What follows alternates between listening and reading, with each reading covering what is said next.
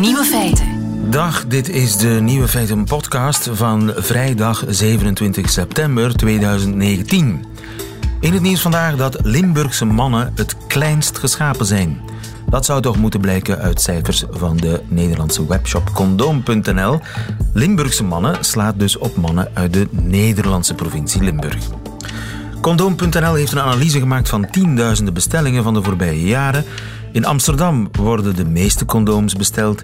De provincie Drenthe bestelt de meeste condooms met de grootste maat. De kleinste maat wordt dus het vaakst besteld in Limburg. Maar misschien hebben ze daar het grootste zelfvertrouwen. Dat zou ook kunnen. De andere nieuwe feiten vandaag. Eh, Jan Breidel heeft geen enkele rol gespeeld in de Gulden Sporenslag.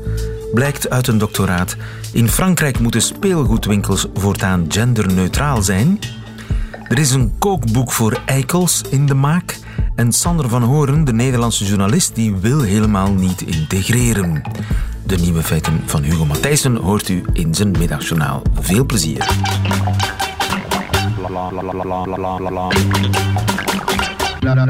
Nieuwe feiten. Franse speelgoedwinkels die hebben binnenkort geen aparte afdeling voor jongens en meisjes meer. Dag Els Consuegra. Goedemiddag. Els, eh, jij bent onderwijsdeskundige aan de VUB. De Franse overheid heeft een charter opgesteld samen met de speelgoedfabrikanten en uh, met winkels, speelgoedwinkels. En dat is bedoeld tegen genderstereotyp speelgoed. Wat staat er in dat charter? Het belangrijkste is dat speelgoedwinkels en reclamefolders voortaan geen opdeling meer mogen maken tussen jongens- en uh, meisjes speelgoed. En het winkelpersoneel mag niet meer aan de klant vragen: is het voor een jongen of voor een meisje? Vind je dat een goed idee, Els? Um, ja, ik denk dat dat, uh, dat dat wel een goede zaak is. Um, ik denk dat er al heel lang signalen komen in die richting, maar dat er nog maar heel weinig speelgoedwinkels en fabrikanten zijn um, ja, die echt zijn afgestapt van die heel sterke uh, genderstereotype marketing. Hè. Dus ik denk dat het misschien wel niet slecht is om een klein zetje te geven vanuit de overheid. Ja, want kleine jongens en kleine meisjes die krijgen via de speelgoedfabrikanten en de reclame het beeld opgedrongen van ja, stoer speelgoed voor jongens en zorgen speelgoed voor meisjes. Is dat de gedachte? Ja, en zeker niet alleen stoer en zorgend, maar het gaat ook ja, bijvoorbeeld over um, ja, meisjes die eigenlijk minder worden verleid om, uh, om ja, fysiek actief te gaan zijn of om leider, leidende rollen op te nemen of um, met wetenschappen en wiskunde aspecten bezig te zijn. Uh, voor jongens, het speelgoed is ook veel minder talig vaak. Um, minder, um, het, het zet ook minder in op fijne motoriek en zo verder. Dus er zijn best wel heel wat verschillen als je kijkt um, naar hoe dat de zaken in de markt worden gezet, dat speelgoed. En hoe aangeboren is Barbie-drang bij meisjes bijvoorbeeld? En autootjesdrang is... bij jongens? Of ja, zit is... daar ook geen genetische factor? Dat is sowieso iets dat, dat wetenschappelijk gezien wel moeilijk uit elkaar te halen is. Uh, Um, maar eigenlijk kan je algemeen genomen zeggen dat, dat de verschillen die we zien in voorkeuren bij heel jonge kinderen, bij, bij kleine baby's, uh, bijvoorbeeld baby's van, van 9 of, of 10 maanden, hè, dat daar wel een klein stukje um, te maken heeft met hormonale verschillen die al van voor de geboorte aanwezig zijn. Maar de meeste verschillen die we zien in voorkeuren uh, van speelgoed op latere leeftijd uh, zijn bijna allemaal het gevolg van ja, uh, socialisatie en eigenlijk kinderen die hebben aangeleerd van hun ouders, van hun verzorgers, van de media, um, welke gedragingen er eigenlijk gepast zijn voor jongens en gepast zijn voor meisjes. Dus dat als mijn dochter alleen maar prinsessenspullen wil, dan zit komt dat eigenlijk niet van mijn dochter, maar van de wereld rondom haar? Uh, voor, een voor, groot, een voor het grootste deel? Ja, ja absoluut. Eigenlijk... Um, ja, Lise Elliot is een wetenschapster, een neurowetenschapster, die daar heel wat onderzoek naar heeft gedaan. En zij vat het eigenlijk samen als volgt. Hè. Dus dat er eigenlijk qua aangeboren verschillen zijn er wel heel kleine aangeboren verschillen, maar die worden doorheen de jaren enorm opgeblazen. En um, op volwassen leeftijd zitten we dan met een heel grote kloof tussen uh, wat we verwachten van mannen en vrouwen. En, um, ja.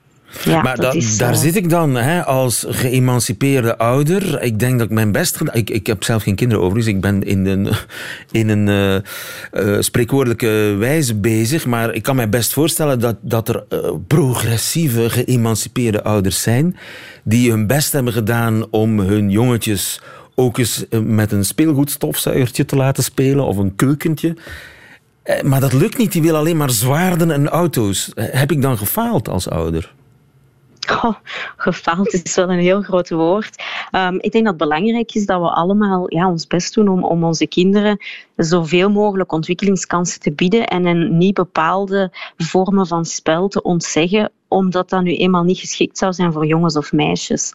Um, en ik denk, ja, we staan in die socialisatie niet alleen. Als ouder ben je maar één van de uh, socialiserende actoren, zoals we dat zeggen. Hè. Er ja. Zijn, ja, je kind heeft met heel veel mensen uh, contact, hè, ook via televisie. Dus zeker niet alleen met personen, maar ook met media en materialen. Ja. En um, ja, inderdaad, het is zeker niet altijd genoeg als je alleen als ouder eigenlijk uh, probeert maar te moet, moet ik dat zo erg vinden als mijn zoontje alleen maar wil voetballen? En... Ja, dat valt een beetje ja, van situatie tot situatie af. Hè. Um, maar we zien gemiddeld genomen wel dat kinderen die een grote druk voelen vanuit hun omgeving om zich uh, stereotyp meisjesachtig of stereotyp jongensachtig te gedragen, dat die daar wel onder lijden. Uh, we hebben onderzoek gedaan in scholen en daar zien we dat toch heel duidelijk, dat in scholen waar een, een, cultuur heerst met een sterke druk om genderstereotyp uh, gedrag te vertonen, um, ja, dat, dat, dat kinderen, zeker kinderen die zich dan misschien wat atypisch voelen, um, ja, dat die zich daar minder goed in hun vel voelen en dat dat ja. ook een impact kan hebben op hun, op hun studeren op die school. Ja. In Nederland zijn ze ook aan het bekijken of ze iets dergelijks kunnen doen. Uh, dus bij ons mag dat ook wel op de agenda komen van de Vlaamse regering bijvoorbeeld. Ze zijn toch aan het onderhandelen nog. Ja, dat is een goed idee misschien. Ja. Het laatste nippertje misschien op tafel Misschien gooien. kunnen ze het er nog meenemen, ja. Els Consuegra, dankjewel. Goedemiddag.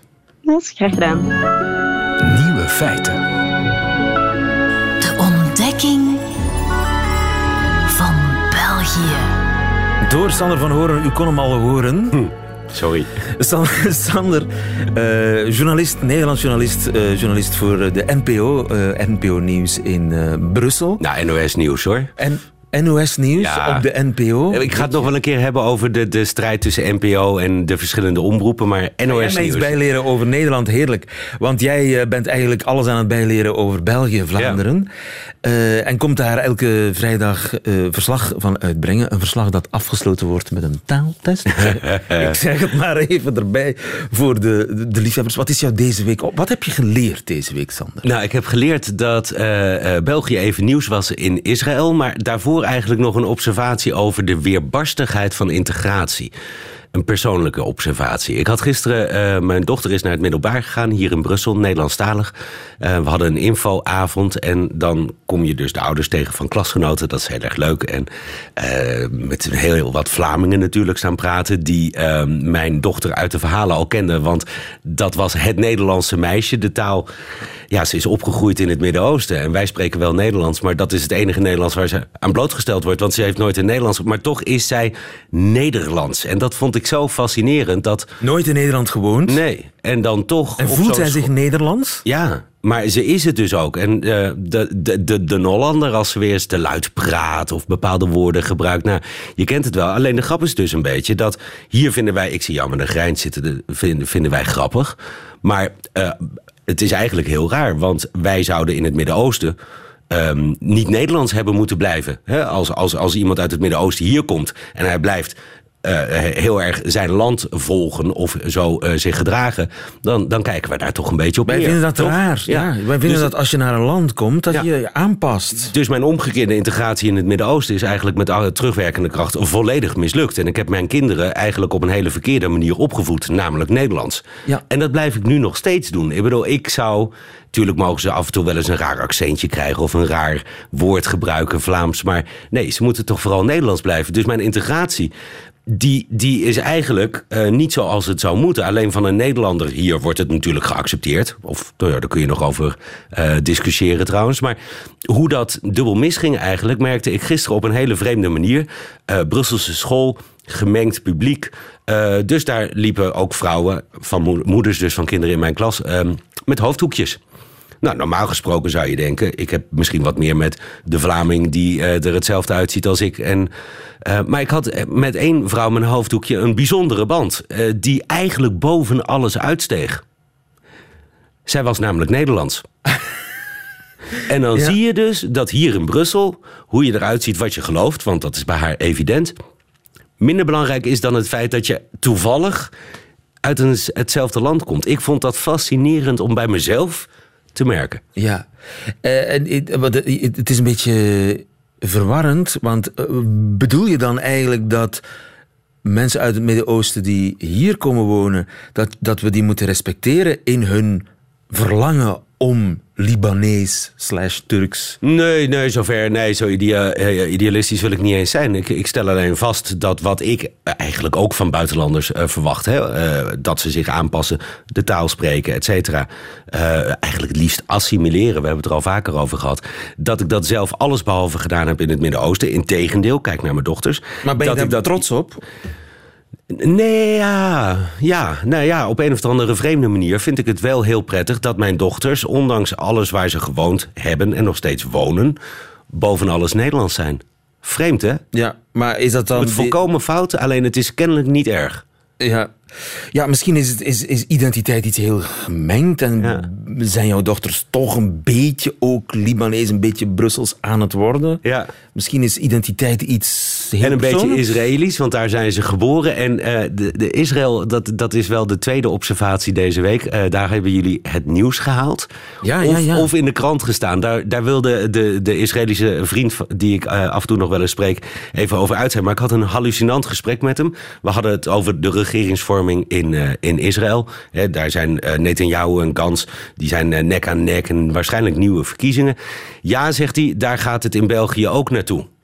Houd toch op, wat weet jij nou over België? Nou, de PS en de NVA gaan natuurlijk nooit met elkaar samen regeren. Een dat Israëli. Wist, dat wist een Israëli jou ja, te vertellen. Ja, okay. want dat, had hij, dat wilde hij eventjes in het midden laten op het journaal gezien of in de krant gelezen. Maar daar besteden ze dus aandacht aan België als een soort spiegel. Zo van, wij moeten opnieuw naar de verkiezingen. Uh, maar we zijn niet het enige land. En dat, dat vond ik wel fascinerend. Want um, inderdaad, de landen waar je zo'n moeilijke coalitievorming uh, hebt, die, die zijn er niet zoveel. Israël staat er onbekend. Nederland staat er natuurlijk onbekend. België, Irak, maar dan gaat het met Kalashnikovs, dus die wil ik even buiten beschouwing laten. En, en de aardigheid is nu wel, vind ik, wat je daar ziet, zie je hier ook gebeuren. En dat is dan toch een verschil met Nederland, waar toegegeven formaties soms ook heel erg lang duren. Maar wij hebben die cultuur van: oké, de basis is verdeeld. Maar uiteindelijk komt er een moment dat het nemen ophoudt en het geven begint. dus dat je elkaar dingen gunt omdat je snapt dat je een coalitie nodig hebt. Er omdat wordt het gepolderd. Ja, er wordt gepolderd, letterlijk. En er wordt Calvinistisch gepolderd. Dus uiteindelijk is er ook het besef dat geld wat je niet hebt, eh, dat je dat ook niet kunt uitgeven. En daar gaan we ook wel eens overheen. Maar hier lijkt dat besef volslagen weg te zijn. En ik denk dat dat een ander uitvloeisel is. En dat is de overeenkomst met Israël, waar ook uh, mensen op drift zijn geraakt. Waar de traditionele machtspartijen, daar bijvoorbeeld de Arbeidspartij, uh, hier de Christendemocraten en de Liberalen, zijn weggevaagd. En het probleem daarvan is dat lange tijd die partijen, ook hier in België, ook hier in Vlaanderen, op een zekere omvang konden rekenen. Daardoor konden ze impopulaire uh, dingen doen tijdens de formatie. Zonder angstig te hoeven zijn dat ze daardoor weggevaagd zouden worden bij de volgende verkiezingen. Nou, die zekerheid is weg. En eigenlijk denk ik dat in Israël, in België, maar misschien ook wel in Nederland, het politieke bestel daar niet meer op is voorbereid. Het is toch nog te veel bouwen op die basis waarvan je weet dat die er is. En je ziet het misgaan. Ja. Je ziet het misgaan hier, zelfs in Vlaanderen, waar er heel lang met Vlaams Belang voor de bühne wordt gepraat, terwijl iedereen weet dat er uiteindelijk VLD en CD&V nodig zijn. Je ziet het federaal gebeuren, dat ik heb het hier al eerder gezegd, die Rupo, of misschien inmiddels zijn opvolger, en de Wever, ze moeten boven zich uitstijgen in het landsbelang. Maar ze kunnen het niet, omdat ze weten dat ze de volgende verkiezingen worden afgestraft. Hadden zij de zekerheid dat bij de volgende verkiezingen die basis intact zou blijven dan hadden die formatiebesprekingen er al lang eh, een resultaat gehad. Ja, maar wij zijn wat dat betreft dus een stapje verder al dan in Nederland. Maar ja, maar op het niveau van Israël. Ik zeg wederom gefeliciteerd België.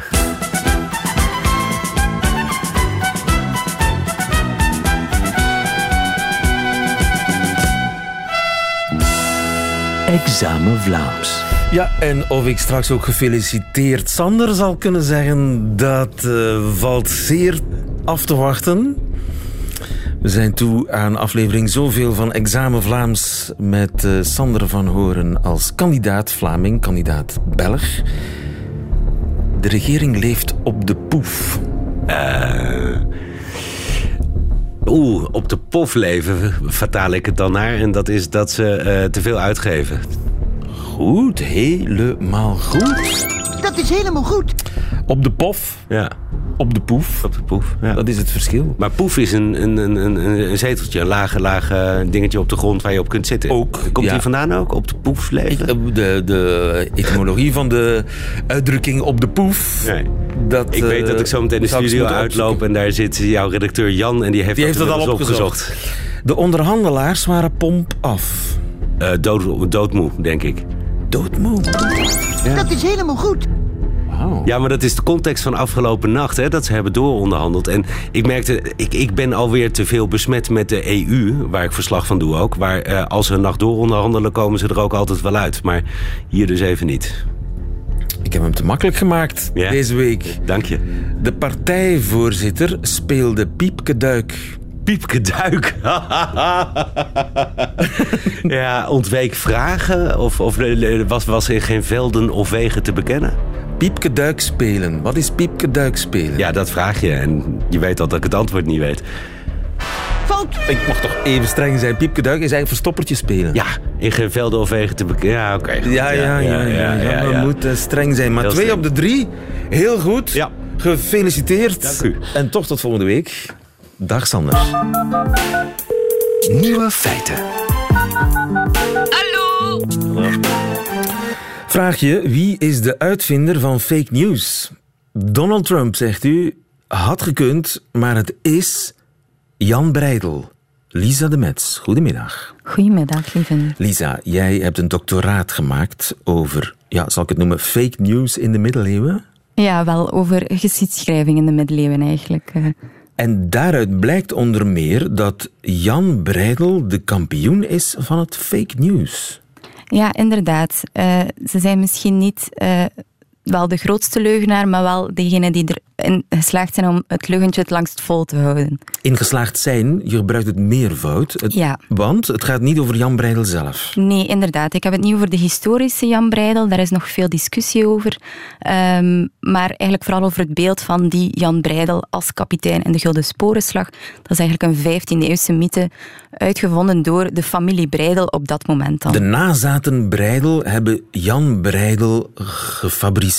Inderdaad. De held Jan Breidel gefabriceerd. Want ja, welke rol heeft Jan Breidel in de Gulden Sporenslag 1302 daadwerkelijk gespeeld?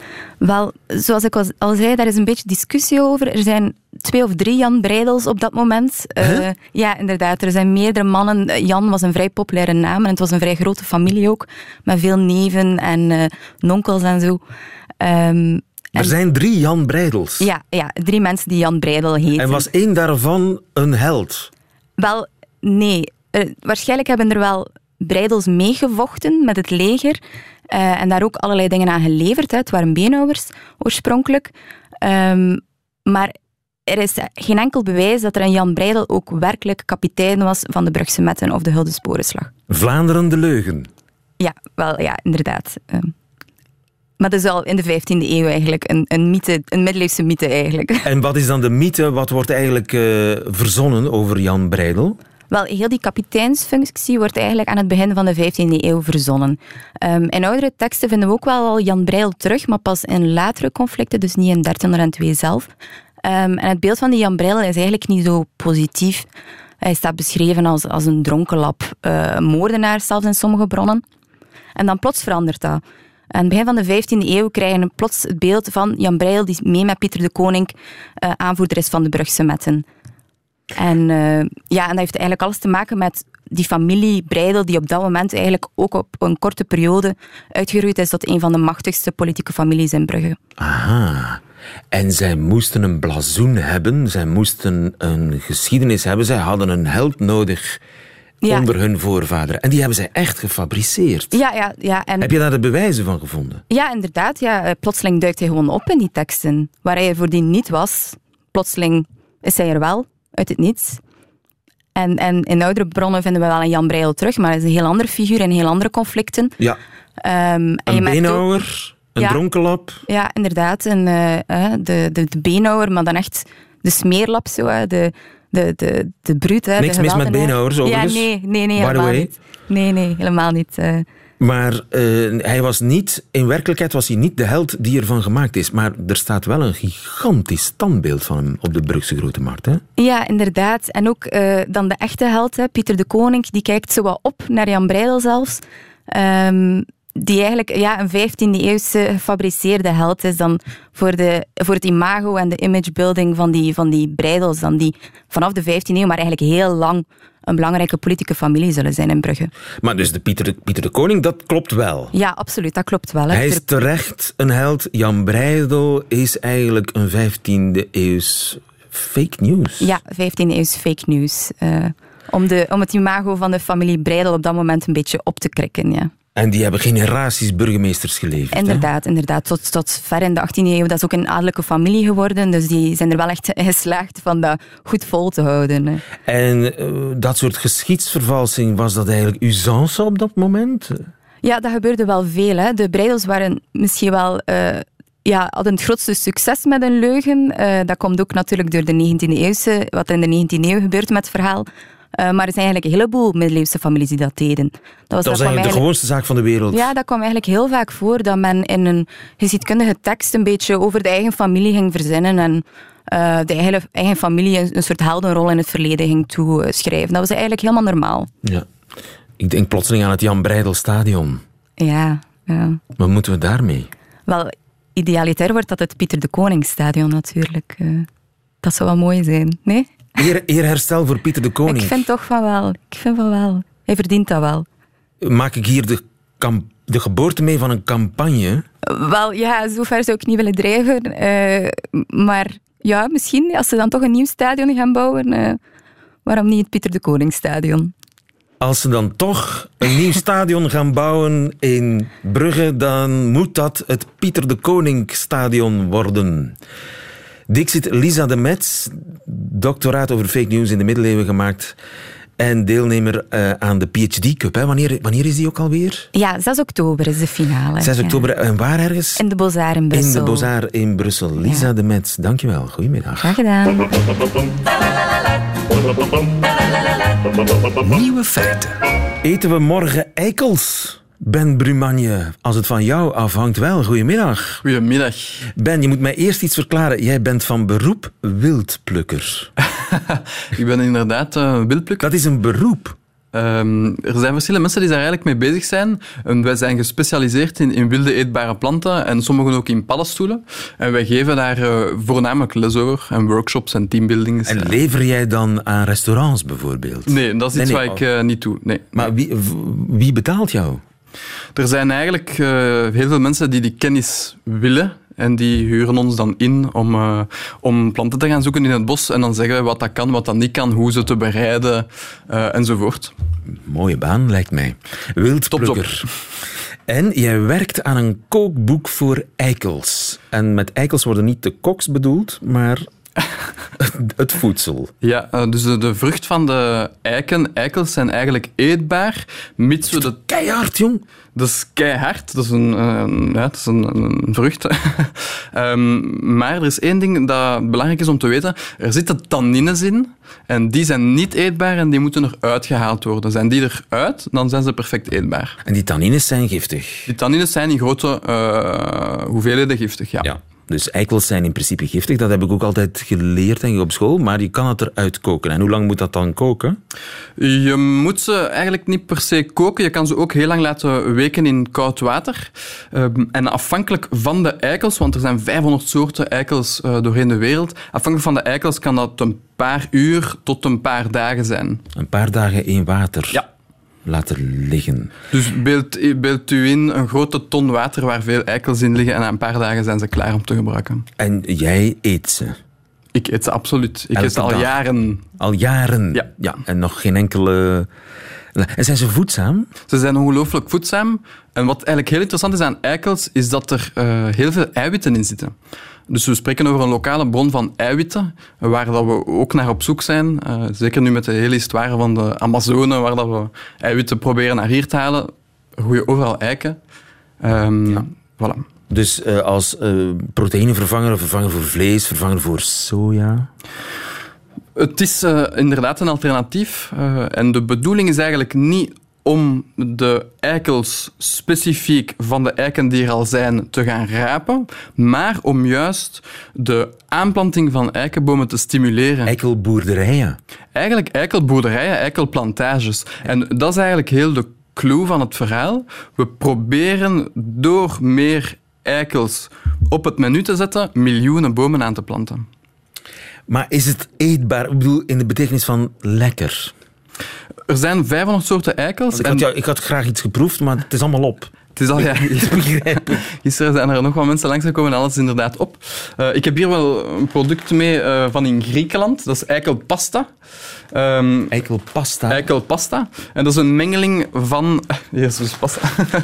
Oh ja, ja, pasta. pasta, pasta. Dus niet een smeerpasta, maar, maar in de betekenis van Ja, en zoals spaghetti. spaghetti. Ehm, en eigenlijk ehm, is het, is het, eh, ligt het aan de combinatie van, eh, eh, van dingen. Daarmee wil ik zeggen, we gaan een traditioneel brood bakken en daar voegen we 20 tot 30 procent bloem aan toe. We gaan een pizza maken en daar voegen we 20 tot 30 procent aan toe. We gaan eikelburgers maken, 20 tot 30 procent zal eikelbloem zijn. Ehm, het is niet zo dat je eikeltaartjes maakt waar die eikels al een- Dus je zichtbaar Je voegt eigenlijk liggen. iets toe. Ja. En het leuke aan, aan ook onze inlandse eikels is dat ze een vrij neutrale smaak hebben. Dus we kunnen er alle richtingen mee uit door er smaak aan toe te voegen. Ah, ze smaken naar niks eigenlijk. Ze smaken neutraal, notig en hoe, zuider, hoe meer dat we naar het zuiden gaan, hoe zoeter de eikels worden. Het is dus echt eh, de, voedingsstof zelf die het interessant maakt, niet de smaak. Het zit vol met eiwitten, koolhydraten en vetten. Heel interessant voor het lichaam. Maar het is voornamelijk interessant om juist die miljoenen bomen aan te planten in Vlaanderen, België en met uitbreiding Europa en zelfs Amerika. Maar in Japan groeien er ook eikel. Ja, maar je geeft ook kookles daarover. Ja, maar ja. eh, als ik het nu begrijp, is het voornamelijk een, een eikelbloem die interessant is. De eikelbloem is het eh, eindresultaat. dat industrieel, hè, industrieel worden dan eikels geraapt. Eh, die worden dan verwerkt en op grote schaal eh, kunnen die dan eh, gebruikt worden voor van alles en nog wat. En die bloem kunnen we aan van alles gaan toevoegen. Ehm, ja, En wat is jouw favoriete eikelgerecht? eikelburgers. Eikelburgers. Eikelburgers. En wat zit daar nog in? Dat kan eigenlijk, daar kan eigenlijk van alles in. Ehm, maar, wat hebben we gisteren bijvoorbeeld gemaakt? Heel lekker. Ehm, je neemt... Eikels is in het, meestal in het seizoen van de pompoen, ook in het seizoen van de paddenstoelen, zeker de wilde paddenstoelen. En een combinatie van die drie zijn super lekker. Oh, ik heb er honger van gekregen. Ben Brumanje, dankjewel. ik kijk heel erg uit naar... Wanneer komt dat kookboek? We zijn er nu aan aan het werken eh, en we zijn eigenlijk op zoek naar mensen die interesse hebben om mee samen te werken eh, aan het project. Het is nog een project. Het is nog een project, ja. Veel succes ermee, dankjewel. Ben Veel plezier. Alleen nog eh, Hugo Matthijssen heb ik voor u. Zijn nieuwe feiten in het middagjournaal. Nieuwe feiten. Middagjournaal. De gastronomie is zeker niet mijn ding. Ik ben namelijk een eenvoudige boerenjongen. Maar af en toe kom je toch op plekken waar ze flink nadenken over eten en drinken. En vooral, ze hebben er veel over te vertellen. Je krijgt dan te horen dat een rund uit Schotland in de pan zal worden gegooid. Dat het brave dier, Jake genaamd, elke dag een massage kreeg en dat je dat zal proeven. Een andere keer hebben ze het over de koning van de Noordzee, de barbeel, en dat ze die zullen stomen in zeewater dat ter hoogte van het zwin werd verzameld. Maar vooraf een paling, die werd gerookt boven het smeulende hout van een windmolen uit de 18e eeuw, waarvan een paar balken moesten worden vervangen en zodoende. In die molen werd trouwens ooit een man geboren die later nog als veldkok onder Napoleon zou dienen. En vandaar dat, ja, dat ben ik nu even vergeten. Als het wat hipper mag zijn, krijg je paddenstoelen die werden gedroogd in het vel van een kameel, wat voor de papillen een multiculturele ervaring zal opleveren. En dan vragen ze je om een minuut stilte voor het lam dat de carbonaatjes leverde, want zo'n peuter aan de moeder ontrukken en hem daarna het keeltje doorsnijden, dat is toch wel heftig. Voor wie emotioneel dieper wil gaan, is er de stiltekamer waar je in je eentje een boodschap op handgeschept papier kan achterlaten. Het potloodje is nog uit echt Libanees cederhout gemaakt. En dan heb je natuurlijk ook de lyrische beschrijvingen van de wijn, waar je bietenloof en karmelietenzaad in proeft, naast de minerale toetsen uiteraard. Ik hoor het allemaal graag aan. Een mens leert daarvan bij, het is genieten. Alleen, wat jammer van al dat eten. Zou het niet mooi zijn als er plekken waren waar je voor een bescheiden prijs van dat prachtige theater zou kunnen genieten en daarna, hup, naar de McDonald's, de pizzaboer of het frituur?